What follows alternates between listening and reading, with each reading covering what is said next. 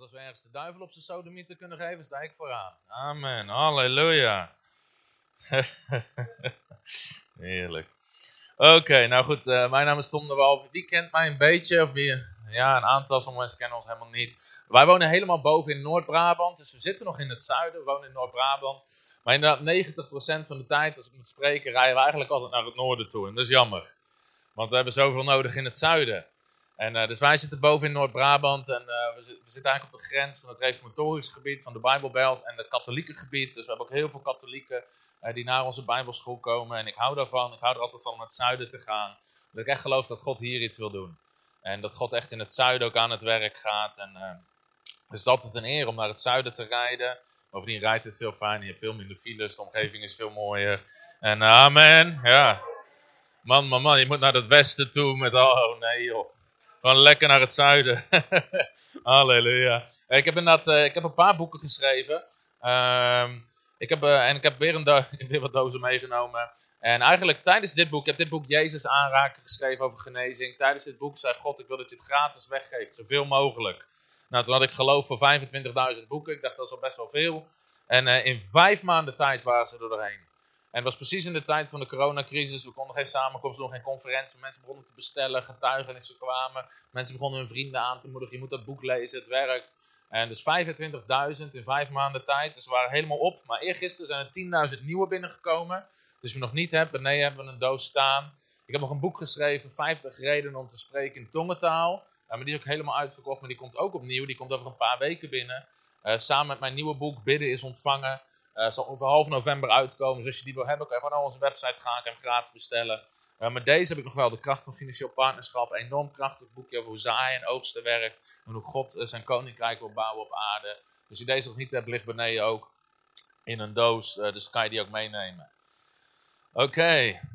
Je mag met me meegaan naar Efeze hoofdstuk 6. En gaat dat filmpje straks lukken als ik een seintje geef? Ja? Oké, ik geef straks een seintje. En uh, kijk, eigenlijk de bediening of de roeping die God ons gegeven heeft, uh, is eigenlijk een bediening van geloof. Dat is waar God me voor geroepen heeft, om geloof te brengen in dit land. En een van de dingen waar ik me ook heel vaak aan erger is de enorme hoeveelheid ongeloof en onmogelijkheden en twijfels waarin mensen vastzitten. Dus de bediening die God ons echt heeft gegeven, zeker voor Nederland, er worden heel veel uitgenodigd voor het buitenland, maar het meeste wijs ik af, omdat ik geloof gewoon dat God een plan heeft voor Nederland. Ik heb helemaal geen zin om elke week in Oekraïne en in Afrika en Amerika en Zwitserland te zitten. En, uh, dus ik doe niet meer dan zes reizen, meestal per jaar. Maar ik geloof dat God wil iets doen in Nederland. En het hart nodig dat er geloof komt in Nederland. En uh, dus God heeft ons echt een bediening van geloof gegeven. En alles wat daarmee samenhangt. Dus ook mijn nieuwe boek Bidden is ontvangen. Dat komt dus half november uit. Je moet dus onderzoeken wat het woord van God zegt over gebed. Elke keer als de Bijbel spreekt over gebed, staat er dat je krijgt wat je bidt. Elke keer. Er staat geen één keer bid en misschien krijgt u het niet. Of bid en kijk maar wat er gebeurt. Jij zegt bid en u zal ontvangen. Dus weet je, dat, daar moeten we weer geloof in gaan krijgen. Dus mijn nieuwe boek behandelt zeven redenen waarom we soms niet zien. Of waarom onze gebeden niet verhoord worden. Maar als je af gaat rekenen met die redenen, dan gaan we weer zien dat massaal onze gebeden verhoord worden. Weet je, en ik heb daar echt een passie voor in, in Nederland. Dat we weer meer genezing gaan zien, meer wonderen gaan zien, gebedsverhoringen gaan zien. Want dat is gewoon wie God is. Dus onze bediening is eigenlijk echt een, echt een geloofsbediening. En je gaat ook merken, terwijl ik spreek, dan gaat er iets gebeuren in je hart. En dat, dat geloof begint te borrelen. De Bijbel zegt in Romeinen 10 vers 17, geloof komt. Geloof komt. Dus als je geen geloof hebt, weet je, dan kan het in één keer komen. En als je het al wel hebt, dan kan er nog meer komen. En dat is altijd goed nieuws bij de Heer. Er is altijd meer bij de Heer. Amen. Ook makkelijk te onthouden, er is altijd meer bij de Heer. Maar weet je, we zijn allemaal geroepen om te wandelen in geloof. De Bijbel zegt vijf keer, de rechtvaardige zal wandelen door geloof. En 2 Korinthe 5 vers 7 zegt, we wandelen niet door aanschouwen, maar door geloof. Dus als gelovige, ik zeg altijd, je bent een gelovige en geen gevoelige. Heel veel mensen wandelen door hun gevoel, wat ze zien, wat ze horen, wat ze voelen, wat ze op het nieuws horen. En aan de hand daarvan bepalen ze hun leven. Maar Paulus zegt, we wandelen door wat we geloven. En niet door wat we voelen of wat we zien. En geloof is een gigantisch onderwerp, maar ik had uh, deze ochtend echt dit specifieke thema op mijn hart om te spreken over het schild van geloof. Het schild van geloof. En ik geloof echt dat dit een zegen gaat zijn, zeker in deze tijd uh, met de coronacrisis. Maar dit is zo'n belangrijke boodschap, eigenlijk voor altijd. Uh, voor, voor christenen dit te kennen. Ik wil hier nog een boek over gaan schrijven, maar ik wil nog over zoveel dingen boeken schrijven. Halleluja. Weet je, ook dat is een strategie, hè. Dus, uh, weet je, ik zei, heer, ik wil de Nederlanders bereiken. Toen zei God, dan moet je je boeken gratis weggeven. Want als het gratis is, dan staan de Nederlanders vooraan. Dat is echt waar, dat is geen grap. In Amerika zou het niet werken. In Amerika denken mensen, oh het is gratis, dat is waardeloos. Dus kan het vast niet verkopen. Maar in Nederland denken gratis, maakt niet eens uit wat er daarachter staat. Als het gratis is, bestellen ze het en lezen ze het, want het was gratis. Halleluja, prijs God voor de Nederlanders. Misschien moeten we dat adverteren met evangelisatiecampagnes. Gratis naar de hemel. Halleluja. Ik zeg het evangelie is gratis, maar het kost je alles. Efeze hoofdstuk 6 vanaf vers 10. Als je het gevonden hebt, mag je verprijs de Heer zeggen. Oké. Als je het nog niet hebt, dan roep je wacht even. Iedereen heeft hem. Efeze 6 vanaf vers 10. Verder, mijn broeders, word gesterkt in de Heer en in de sterkte van zijn macht. Bekleed u met de hele wapenrusting van God, opdat u stand kunt houden tegen de listige verleidingen van de duivel. Want we hebben de strijd niet tegen vlees en bloed, maar tegen overheden, tegen machten, tegen wereldbeheersers van de duisternis van dit tijdperk, tegen de geestelijke machten van het kwaad in de hemelse gewesten. Neem daarom de hele wapenrusting van God aan, opdat u weerstand kunt bieden op de dag van het kwaad. En na alles gedaan te hebben, stand kunt houden. Houd dan stand uw middel om God met de waarheid en bekleed met het borstharnas van de gerechtigheid. De voeten geschoeid met de bereidheid van het evangelie en neem bovenal, boven alles, het schild van het geloof op, waarmee u alle vurige pijlen van de boze zult kunnen uitblussen. En neem de helm van de zaligheid en het zwaard van de geest, dat is het woord van God. Amen, tot zover. Een heel krachtig gedeelte. En weet je, dan, soms het gevaar hiervan is bijna dat een cliché gedeelte is geworden, die geestelijke wapenuitrusting. Maar God heeft dit echt gegeven. Het eerste wat Paulus zegt is, wees sterk in de Heer. Weet je, ik geloof in sterke christenen. Ik geloof in sterk christendom. Dat als mensen naar jou kijken, dat ze zeggen, wat een gigantisch sterk persoon. Wat een sterke persoonlijkheid. En als mensen dan vragen hoe dat komt, dan kan je getuigen van God. Weet je, maar het is niet voor niks dat de Bijbel zegt, u geheel anders. Jezus zegt, je blijft wel in deze wereld, maar je bent niet meer van de wereld. Je leeft in een andere realiteit. En die realiteit is het koninkrijk van God. Er hoort een verschil tussen de gelovigen en de niet-gelovigen. In de manier waarop we reageren op dingen, in de manier waarop wat overkomt in ons leven. Gelovigen zouden sterk moeten zijn, want je hebt een hoop in je, je hebt een geloof in je wat de rest niet heeft. Amen. Dus ik geloof echt in sterk christendom. Ik geloof, ik zeg altijd, ik geloof eigenlijk, weet je, mijn God is een overwinnaar en als ik zijn zoon ben, overwin ik met hem. Dus ik geloof dat we overwinnaars zijn, meer dan overwinnaars zelfs. Maar de duivel heeft tactieken. Daarom zegt Paulus ook tegen de listige verleidingen van de duivel. Weet je, in het Grieks staat er eigenlijk de tactieken, de methodes. Het Griekse woord is methodia.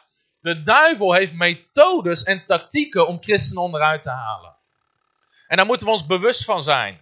Op een andere plek in de Korinthebrief zegt Paulus: De gedachten van de duivel zijn mij niet onbekend. En daarom vergeef ik deze persoon heel erg snel. Dus Paulus wist, onvergevingsgezindheid is een tactiek van de duivel om mij te vangen. En dat is maar één van de tactieken. Weet je, de duivel is een leugenaar. Hij probeert mensen vast te houden in bitterheid, onvergevingsgezindheid. Allemaal dingen waar de duivel, hij weet als ik daar christenen in kan krijgen, dan heb ik ze. Dan is de kracht weg uit hun leven. Dus je moet je heel bewust zijn, wat zijn nou de tactieken van de duivel? Ook in zo'n tijd van corona, wat gebeurt er nou echt? Waar is de duivel nou op uit? En weet je, dus, dat is ook een van de dingen die ik altijd hoop. En ik heb een hele serie gedaan over demonie en bevrijding. En uh, wie heeft die gezien op YouTube? Hele serie over demonie en bevrijding. Het aantal mails wat ik kreeg van mensen. In één keer besefte van, wauw, nu zie ik pas wat er aan de hand is. Nu snap ik pas dat de demonen aan het werk zijn. En daarom, daarom zegt de Bijbel in Efeze, ontmasker de werken van de duisternis. We moeten het aan het licht brengen, zodat we ons er tegen kunnen wapenen. En dus christen moet zich wapenen met de wapenuitrusting van God. En ik, ik, wil niet diep op die wapenuitrusting ingaan, maar hij zegt dat je uw middel omgort. Hij zegt uw middel omgort met de waarheid. Nou, in die tijd, ze droegen een lange mantel. Alleen met zo'n lange mantel kon je niet snel zijn. Dus dan moest je hem omgordelen. Je moest hem met je gordel moest je hem opslaan, zodat je snel was. En Paulus zegt, je middel moet je omgord hebben. Dus christenen mogen nooit traag worden. Geen amens, maar het is wel zo. Daarom zegt de Bijbel in Hebreeën, zegt, wees niet traag, maar wees vurig wat uw inzet betreft. Trage christenen zijn in de valstrik van de duivel gelopen. Als God iets zegt, moet je het meteen doen. Meteen gehoorzamen. Want als je traag wordt, geef je de duivel ruimte om te werken in je leven. Om je te beïnvloeden, tegen je te liegen. Maar je moet dat meteen doen. Als de Heer iets zegt, als de geest van God iets zegt, doe het meteen. Doe het meteen. Weet je, dan geef je de duivel geen tijd. Dus ik was een tijd terug, dat ook even een verhaaltje tussendoor, krijg je gewoon gratis bij. Ik was, ik was aan het bidden en mijn nieuwe boek kwam uit. En weet je, eigenlijk, ik was veel te klein aan het denken. Want ik had mijn nieuwe boek, ik had, ik had drie boeken komen uit, ik had ze maar 15.000 keer per stuk besteld. En um, dus ik was morgens aan bidden en God corrigeerde me. God zei, Tom, je denkt te klein. Als Jezus aanraken 25.000 keer weg is in vijf maanden, waarom druk je je nieuwe boek maar 15.000 keer? Terwijl ik dacht, nou, best wel flink hè, 45.000 boeken. Je moet je even de offerte en de factuur voorstellen wat daar tegenover staat. Dus ik zei, sorry heer. En, uh, en God zei, ik wil dat je ieder boek 30.000 keer drukt. En Jezus aanraken 10.000 keer opnieuw. En ik kreeg een visioen van een bestelbus. En, uh, want uh, we zoveel boeken gingen verspreiden, dat we een bus nodig hadden. En dus ik moest 100.000 boeken bestellen. En een bus kopen. Dat is een visioen wat de Heer me gaf. En uh, dus ik liep naar kantoor toe, naar ons team toe. En ik zeg, uh, bel de drukker, het worden er 100.000. Ik ga niet eerst zitten overleggen van, oh, kan dat wel, moet het wel? Nee, als de Heer het zegt, moet je snel handelen. En Arjan heeft een autogarage. Ik zie sommige mensen lachen. Sommige mensen zouden heel zenuwachtig worden om bij ons te werken. En in ieder geval, Arjan heeft een autogarage. En die stuurt mij een appje. Hij zegt, hey, ik heb deze mooie bus heb ik vanmorgen ingerolen. Hij wist helemaal niet dat... En de heer zegt, dat is jouw bus. Ik zeg, ik koop hem. Ik wist niet eens wat die kostte. Dus we hadden 100.000 boeken besteld en een nieuwe bestelbus. En mijn office manager zegt, waar gaat er geld vandaan komen? Ik zeg, dat zien we vanzelf wel.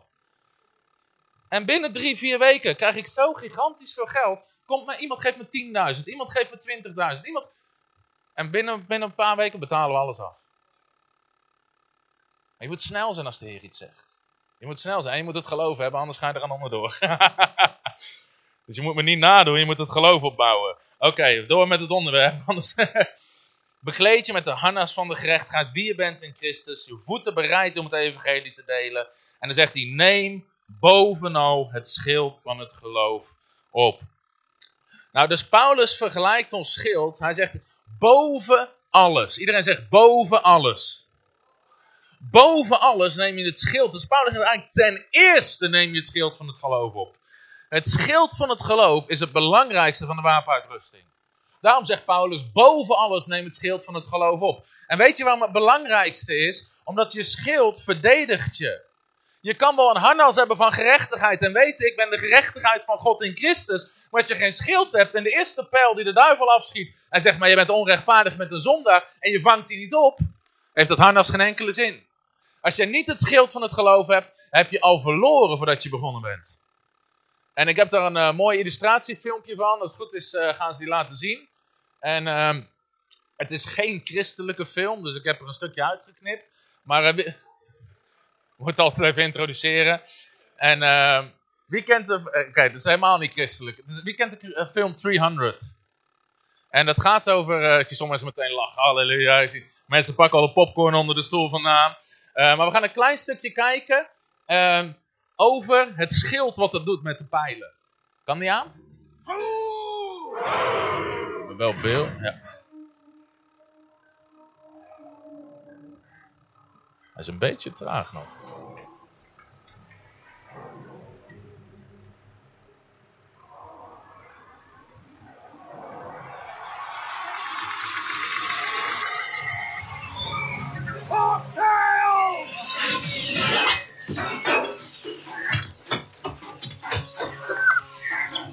Sergeant Collins.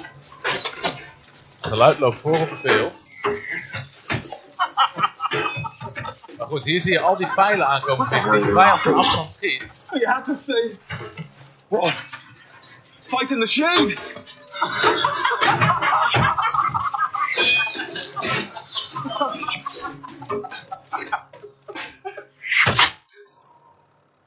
Wel een mooi slow motion effect.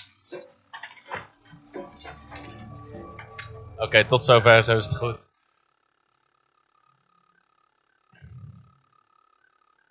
Oké.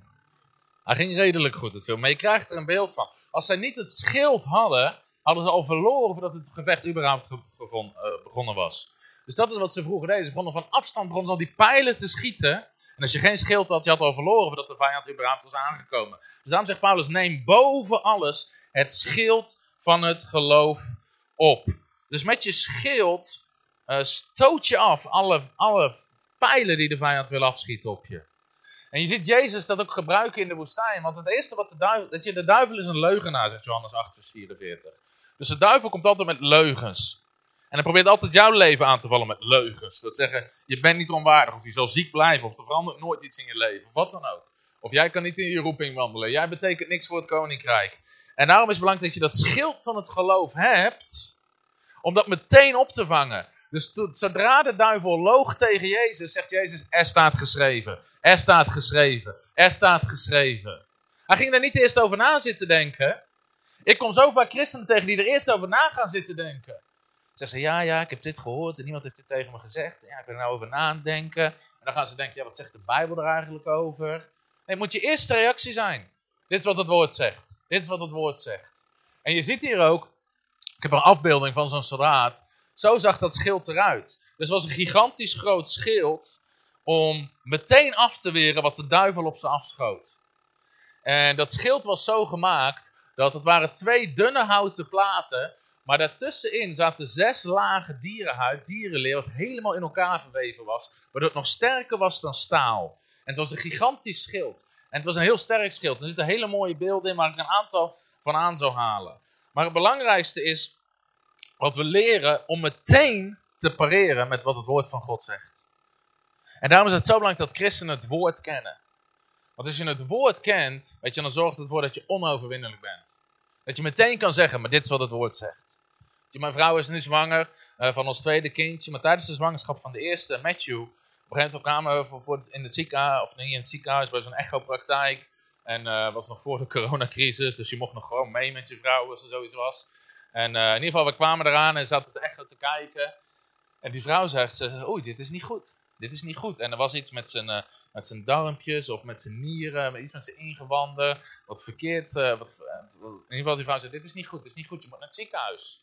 En weet je maar, mijn eerste reactie toen ze dat zei, zei ik, nou dat kan helemaal niet, mijn kinderen zijn gezegend. Waarom zeg je nageslacht zal gezegend zijn? Dus ik dacht, dit kan helemaal niet. In ieder geval, wij gingen naar het ziekenhuis toe en ook in het ziekenhuis onder zo'n echt professionele echo met een arts. En die arts zegt ook van ja, hij zei dit is niet goed, dit is niet goed. En we moesten op gesprek komen.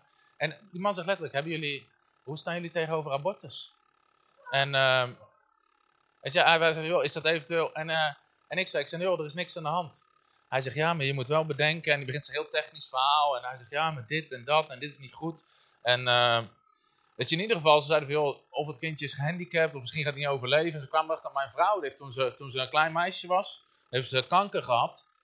En eh, ook boven natuurlijk van genezen, want ze zagen er in het ziekenhuis van, oh, die mevrouw heeft kanker gehad. En ze vroegen, waar gaat u bevallen? Toch wel in het ziekenhuis? Dus wij zeiden, nee, gewoon thuis. Ja, maar dat overleef je niet. Met jouw achtergrond en met jouw medisch dossier. Je krijgt een hartaanval, je overleeft het niet eens. We kregen allemaal mooie profetieën mee er in het ziekenhuis. Het ging echt heel erg gezegd. Maar het zijn leugens van de duivel. En dit is het ding, weet je. En, en het ding was sowieso, de artsen konden überhaupt niks doen. Ze kunnen niks met een baby die in een buik zit. Kunnen ze niet opereren, ze kunnen er niks aan. Dus we liepen, naar- we liepen uit het ziekenhuis. En er was zo'n totale vrede in mij. Weet je, ik, weet je, om eerlijk te zijn, we hebben niemand opgebeld. We hebben niet op Facebook, willen jullie bidden, dit is wat de artsen zeggen. Waarom? Ik was meteen met het woord van God, mijn nageslacht zal gezegend zijn. De Heer doet alle ziekten van ons wijken. Hij is de Heer, onze heelmeester. En dat was, zo, was mijn eerste reactie. We hebben niemand opgebeld, we hebben tegen niemand gezegd. Mijn vrouw is gewoon thuis bevallen en het kind was kerngezond. Niks aan de hand. Sterker nog, mijn zoontje is bijna twee jaar oud. Hij is nog geen dag van zijn leven ziek geweest. Bovennatuurlijke gezondheid, bovennatuurlijke genezing. Maar het was mijn eerste reactie. Ik heb er niet eens over na zitten denken.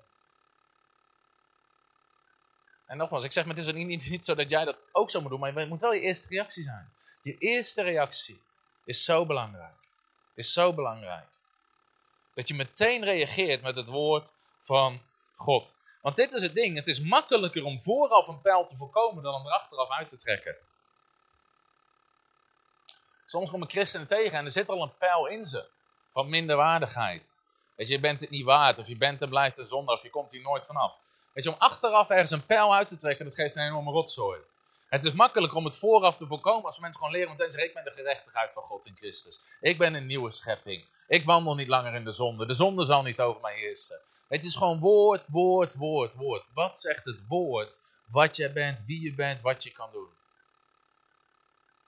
Dus als we daar veel meer, en, en nogmaals, ik zeg dit ook met respect, maar dus ik maak me ook geen enkele zorgen over corona. Sommigen zeggen, maar maak je geen zorgen over corona, je komt allemaal samenkomsten, evenementen. Yo, ik heb in Afrika gepredikt midden in gebieden waar een totale ebola-uitbraak was. Dan zeggen mensen, ja, maar je gaat toch niet naar ebola? Ik kan toch niet een genezingsdienst afzeggen als genezingsevangelist, omdat er ebola is? Ja, sorry, nee, nee, nee, de genezingsevangelist kan niet komen, want er is een ziekte in het gebied. Als er een ziekte is in het gebied, moet ik er juist zijn. Oké, okay, daar mag je verder zelf over nadenken, maar... Uh... Halleluja. Maar goed, je schild. Kijk, de Romeinse soldaten, dat is, dat is, punt nummer twee. Dus het eerste is, neem boven alles het schild op. Punt nummer twee is, het schild bedekt alles. De Romeinse soldaat had twee soorten schilden. Hij had één klein, hij had een heel mooi rond schildje met van die gouden sierdingen erop. En die gebruikten ze voor parades. Weet je, in die tijd waren er heel veel militaire parades waarin zo'n macht lieten zien. Je ziet het nog wel steeds als filmpjes van Noord-Korea of zo, of China, weet je, waarin ze alle precies in lijn marcheren. Maar wij hebben het iets anders met landmachtdagen of luchtmachtdagen of weet ik veel wat wij hebben. Maar in ieder geval van die hele parades. En hebben ze de mooiste pakjes aan en dat soort dingen. Van die mooie... En ook dat soort schilden hadden de Romeinen. Ze hadden een klein mooi schild voor de sier. Maar dat is niet wat ze meenamen de strijd in. Wat ze mee de strijd innamen was een schild wat zo gigantisch groot was dat het hun hele leven bedekte. Weet je, er zijn ook heel veel christenen die hebben een siergeloof voor parades. Als ze de kerk inlopen, pakken ze mooi hun geloof, weet je, en dan pareren ze daar zo, weet je wel. Ja, ik ken de tekst, de Heer is mijn herder, mij ontbreekt niets, en weet je. Allemaal, het is allemaal sier. Want als er op maandag iets gebeurt, dan krijg je op maandag te horen, je bent ontslagen, dan zitten ze in het dal. Ja, ja, hoe moet dat nu? Hoe moet dat nu? En ja, voor mijn mensen van mijn leeftijd nemen ze niet meer aan. En in mijn branche ligt weet je, is er crisis en dit en dat. En dan was het siergeloof. Op zondag in de kerk weten ze de tekst, maar op maandag weten ze niet hoe het te gebruiken. Weet je, dus we moeten zorgen dat we een schild hebben van geloof, wat alles bedekt. Weet je, een klein schild is niet genoeg voor de overwinning. Het het schild van geloof. Klein geloof is niet genoeg voor je overwinning. Weet je, heel veel christenen zeggen aan de hand van het mosterdzaadje. In Lucas hoofdstuk 17 zegt Jezus, geloof als een mosterdzaad. Zeggen heel veel mensen, ja, je hebt maar klein geloof. Klein geloof is goed. Nee, klein geloof is helemaal niet goed, want Petrus zakte door het water en jij zegt, klein gelovige, waarom heb je getwijfeld? De gelijkenis van het mosterdzaadje is niet dat je klein geloof moet hebben. De gelijkenis van het mosterdzaadje is dat je moet het gaan zaaien en gebruiken, het het grootste wordt van alles. Groot geloof, dat is waar we naartoe moeten, niet naar klein geloof. Jezus stond, weet je, waar Jezus alleen maar verwonderd over was in de Bijbel? Geloof of ongeloof. enige twee dingen. In Marcus hoofdstuk 6 zegt wel, hij verwonderde zich over een ongeloof. Hij kon daar geen wonderen doen. Maar er was ook een verhaal in Matthäus hoofdstuk 8 bijvoorbeeld, waar die, waar die Romeinse man kwam en die zegt, Heer, spreek slechts een woord. En Jezus verwonderde zich over zijn geloof. En ik bid dat Jezus weer verwonderd gaat zijn over het geloof wat er is in de kerk in Nederland. Amen. Dat we meteen een evangelisatie-tent kopen voor 2000 mensen. Dat Jezus op de troon zegt, zo, wauw, wat een geloof. Halleluja. Weet je, niet zo'n niet, niet zo'n uitvouwtentje wat je opgooit en waar twee mensen in kunnen. Maar dat we het meteen groot doen en meteen goed doen. En dat de Heer zegt, halleluja. Hij verwonderde zich over hun geloof. Weet je, dat Jezus de engelen aanstelt, moet je nou kijken. We moeten zorgen dat er twee, haal er eens wat engelen bij, want er moeten wel meer mensen daar komen. Die gasten hebben groot geloof. Die pakken het groot aan. Weet je, dat is waar we naartoe moeten in Nederland. Amen. Halleluja. Dus je geloof moet alles bedekken. En dan moet je ook leren wat geloof is per gebied. Dus het woord van God. Het was een, het was een prediker, zijn naam was Hagen. En hij had grote wonderen en tekenen in zijn leven. Mensen genazen aan de lopende band. Maar hij had altijd financieel tekort. En op een dag zei hij: Heer, dat is toch niet eerlijk? Ik heb toch geloof? Waarom hebben we dan wel nog genezing, maar waarom leven ik en mijn gezin in armoede? En God zei tegen hem: Ja, je hebt geloof voor genezing, maar je hebt geen geloof voor voorziening. En toen besefte hij, je moet per gebied van Gods genade, moet je geloof bouwen. Het feit dat jij precies weet wat het woord van God zegt over genezing. Door zijn streamen ben ik genezen. De Heer zal alle ziekten uit mijn midden halen. De Heer is mijn heelmeester. Tekst na tekst. Psalm 103 prijs. De Heer die al mijn ziekten geneest. Dat zegt niks of dat jij weet wat God zegt over voorziening. Dus over voorziening zou je precies hetzelfde moeten doen. Zou je meteen kunnen zeggen, Psalm 23, de Heer is mijn herder. Er staat niet, ik heb niets. Er staat, mij ontbreekt niets. Filippenzen 4 vers 19, mijn God zal voorzien in alles wat ik nodig heb overeenkomstig zijn rijkdom. Niet overeenkomstig de economie. Je, en tekst na tekst moet eigenlijk meteen uit je binnenste komen per gebied. Want de duivel gaat je aanvallen op het gebied waar jij het zwakste bent. Als hij weet dat je bij wijze van spreken heel sterk geloof hebt over wie je bent in Christus, weet je, bent vergeven, gerechtvaardigd, dan gaat hij proberen om een ander gebied in je leven aan te vallen. En daarom moet je per gebied van Gods genade moet je geloof bouwen. Dat de duivel je op geen enkel gebied kan raken, dat je schild je hele leven bedekt. Dat het niet uitmaakt waar hij op schiet. Als hij schiet op je huwelijk of als hij schiet op je kinderen. Als je kinderen aangevallen wordt en meteen zegt: Hé, hey, de Bijbel zegt: Groot zal de vrede zijn van mijn kinderen. Mijn nageslacht zal gezegend zijn. Ik en mijn huis, wij zullen de Heeren dienen. En dat meteen uit je geest die dingen komen.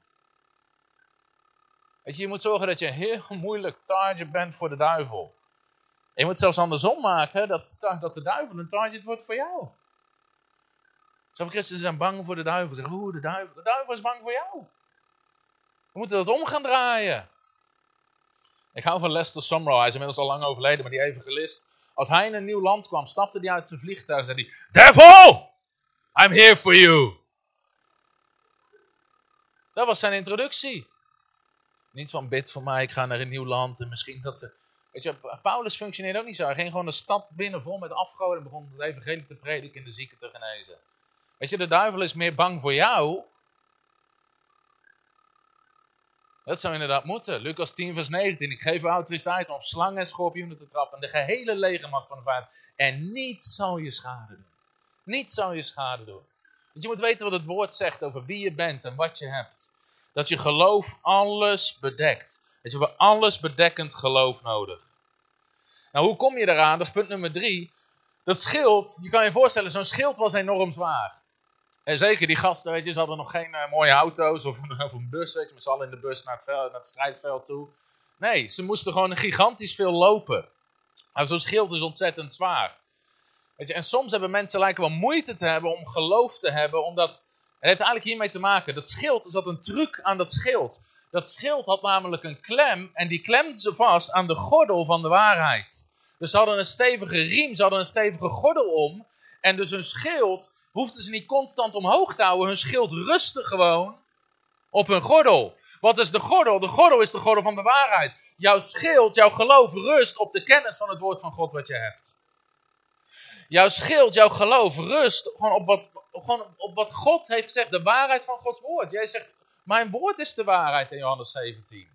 Dus je moet zorgen dat je ontzettend veel waarheid naar binnen haalt. En daar rust je geloof op.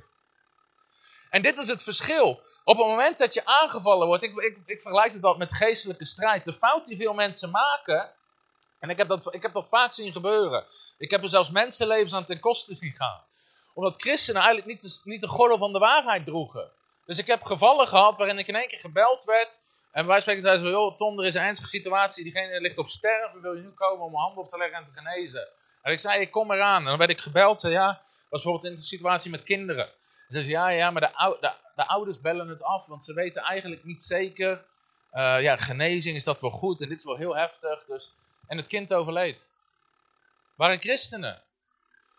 En eigenlijk, daarom zegt, daarom zegt Paulus, trek de hele wapenuitrusting aan, zodat op de dag van het kwaad je stand kunt houden. Je weet nooit wanneer de dag van het kwaad komt. Maar als de dag van het kwaad er is, is het te laat om het aan te trekken. Die soldaten liepen niet met hun hele uitrusting in een rugzak naar het veld toe. En dat als die pijlen begonnen te schieten en aan de vijand kwam eraan, dat ze dan alles aan gingen trekken. Hun, zwaard, scherp, weet je wel. Ze waren voorbereid. Christenen moeten voorbereid zijn op de strijd. Je weet dat de duivel gaat proberen om je aan te vallen. En de enige manier om staan te blijven is voorbereid zijn. Voorbereid zijn. Iedere christen gaat te maken krijgen bijvoorbeeld met ziekte. Hoef niet eens te zijn in je eigen leven, maar mensen om je heen. Familieleden, geliefden. De duivel probeert mensen ziek te maken. En vaak is dit dus het lastige. Op het moment dat iemand ziek is, is het veel moeilijker om geloof te gaan bouwen.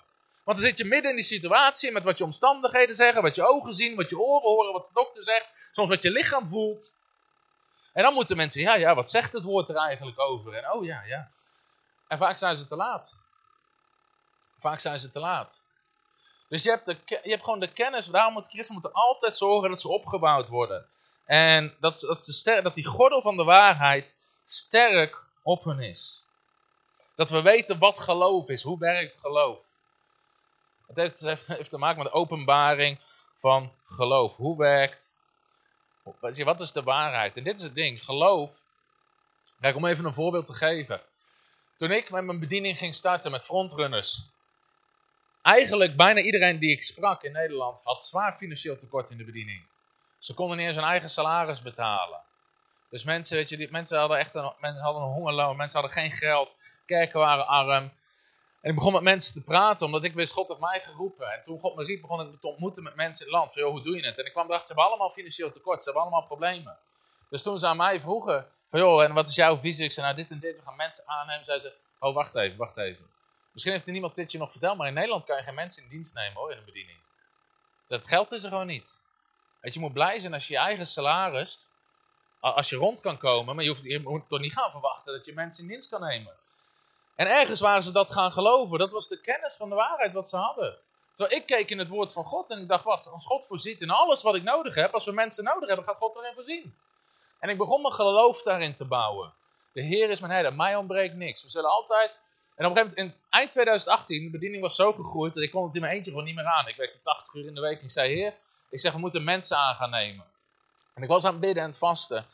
En God sprak tot me, Jezaja 51 vers 2. En in Jezaja 51 vers 2, daar staat, kijk naar je vader Abraham. Toen ik hem riep was hij alleen, maar ik zegende hem en maakte hem talrijk. En met dat God dat sprak, was het boem, alsof gewoon de gave van geloof in één keer op me kwam om te geloven voor personeel. En ik gaf de eerste persoon, ik, ik, dus ik zei, maar het was in één keer een stuk openbaring. Eigenlijk, die gordel van de waarheid werd in één keer een stuk dikker, om het zo maar te zeggen. In één keer was ik daar, was daar mijn geloof aan gehecht en kon ik daar mijn schild aan hangen. En dus de, toen God sprak, ik gaf de eerste persoon een contract, voor januari. Maart, de tweede persoon een contract. Half jaar, de derde persoon een contract. Vandaag zijn twee jaar verder, ik heb tien mensen in dienst. En alle salarissen betalen we. En als er mensen bij ons komen, zijn mensen in een hele omgeving. Ik heb toevallig vorige week nog een, is nog een, uh, een nieuwe meid bij ons begonnen. En een hele omgeving, hoe kan dat? Waar betalen ze dat van? Heb, heb je een thuisfrontcomité opgericht, vragen mensen. Een thuisfront. Weet je, Jezus zei niet tegen zijn discipelen, ga een thuisfrontcomité oprichten. En als jullie dat geregeld hebben, dan kom je weer terug. Toch? Jezus zorgde voor ze. Lucas 22 komen ze terug. Jij zegt, heeft het u aan iets ontbroken toen ik u uitzond? Ze zeiden aan niets, Heer. Weet je, ik begon nog een geloof te bouwen voordat ik het kreeg. In Jacobus wijst God de mensen terecht die hun arbeiders niet goed betalen. Als God mensen corrigeert die arbeiders niet goed betalen, dan is God zelf, betaalt hij zijn arbeiders wel goed. Anders kan die mensen niet corrigeren. Maar ik begon daar mijn geloof in te bouwen. En die gordel werd sterker en dikker en dikker. En nu is het van, oh, we nemen nog iemand aan. Weet je, waar komt het geld vandaan? Wie wil er een leuk verhaal horen? Sommigen kennen dit verhaal misschien. Niemand? Iemand een leuk verhaal horen? In ieder geval, ja, we kunnen ook stoppen. Weet je, vorig jaar, onze bijbelschool was zo gegroeid. We gingen richting 200 studenten. En uh, een van mijn mensen kwam naar me toe en zei, Tom, weet je, we moeten minder gaan doen. Want dit, dit trekken we niet als team. Ik zei, nou, we gaan niet minder doen. We gaan meer doen voor de Heer. Dus ik zei, we gaan, mensen, gaan we mensen aannemen. Hij zegt, is er geld voor? Ik zei, nee, dat geld gaat wel komen.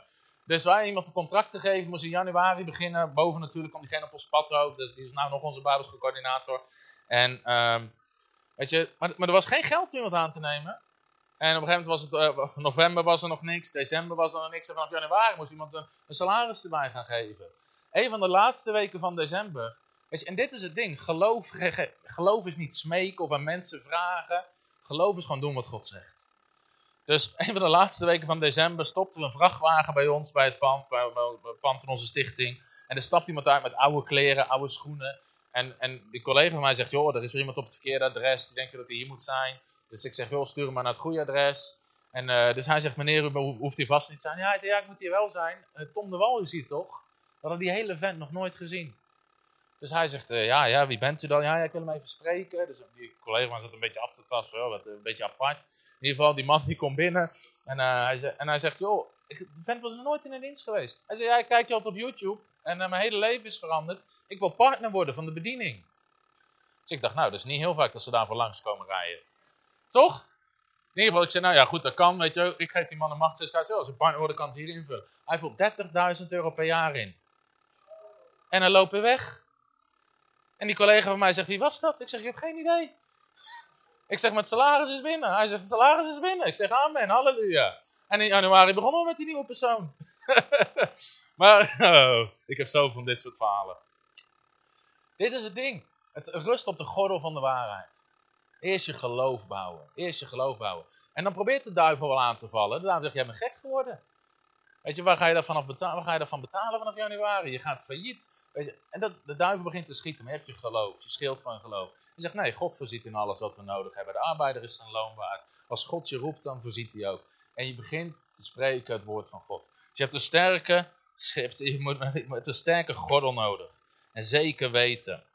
Maar dit is het ding, je geloof, nummer vier, uh, moet verzorgd worden. Je geloof moet onderhouden worden.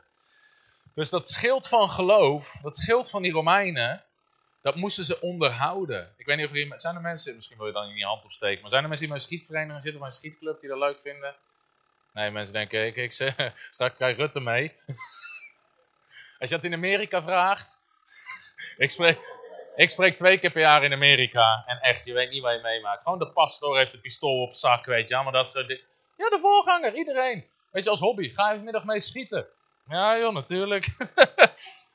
Ik heb ooit daar gesproken in Amerika over die man die door het dak zakte. En ik zeg, even voor alle Amerikanen, Jezus schoot de inbreker niet dood, hè? Dus ik had meteen even, meteen even uitgelegd hoe dat zit. Maar konden ze wel om lachen. In ieder geval, hoe kwam ik hierop? Oh ja, als je bij een schietvereniging zit, zo'n wapen moet je onderhouden, schijnt. Ik weet het niet, ik zit er zelf niet bij, maar het schijnt dat als je, weet je, die wapens zijn ze altijd aan het schoonmaken, netjes aan het houden. Weet je, als christen, je wapenuitrusting moet je onderhouden. Dus de Romeinen die deden dat op twee dingen. Dat schild, ten eerste moesten ze, moesten ervoor zorgen dat dat leer, wat daar tussen die planken zat, dat moest soepel blijven. Dus dat smeerden ze iedere keer in met olie.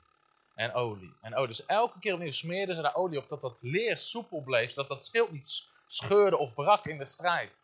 En dat is een beeld van de Heilige Geest. Weet je, de geest van God, als je in de tegenwoordigheid van God bent, dan wil God geloof naar je hart laten stromen.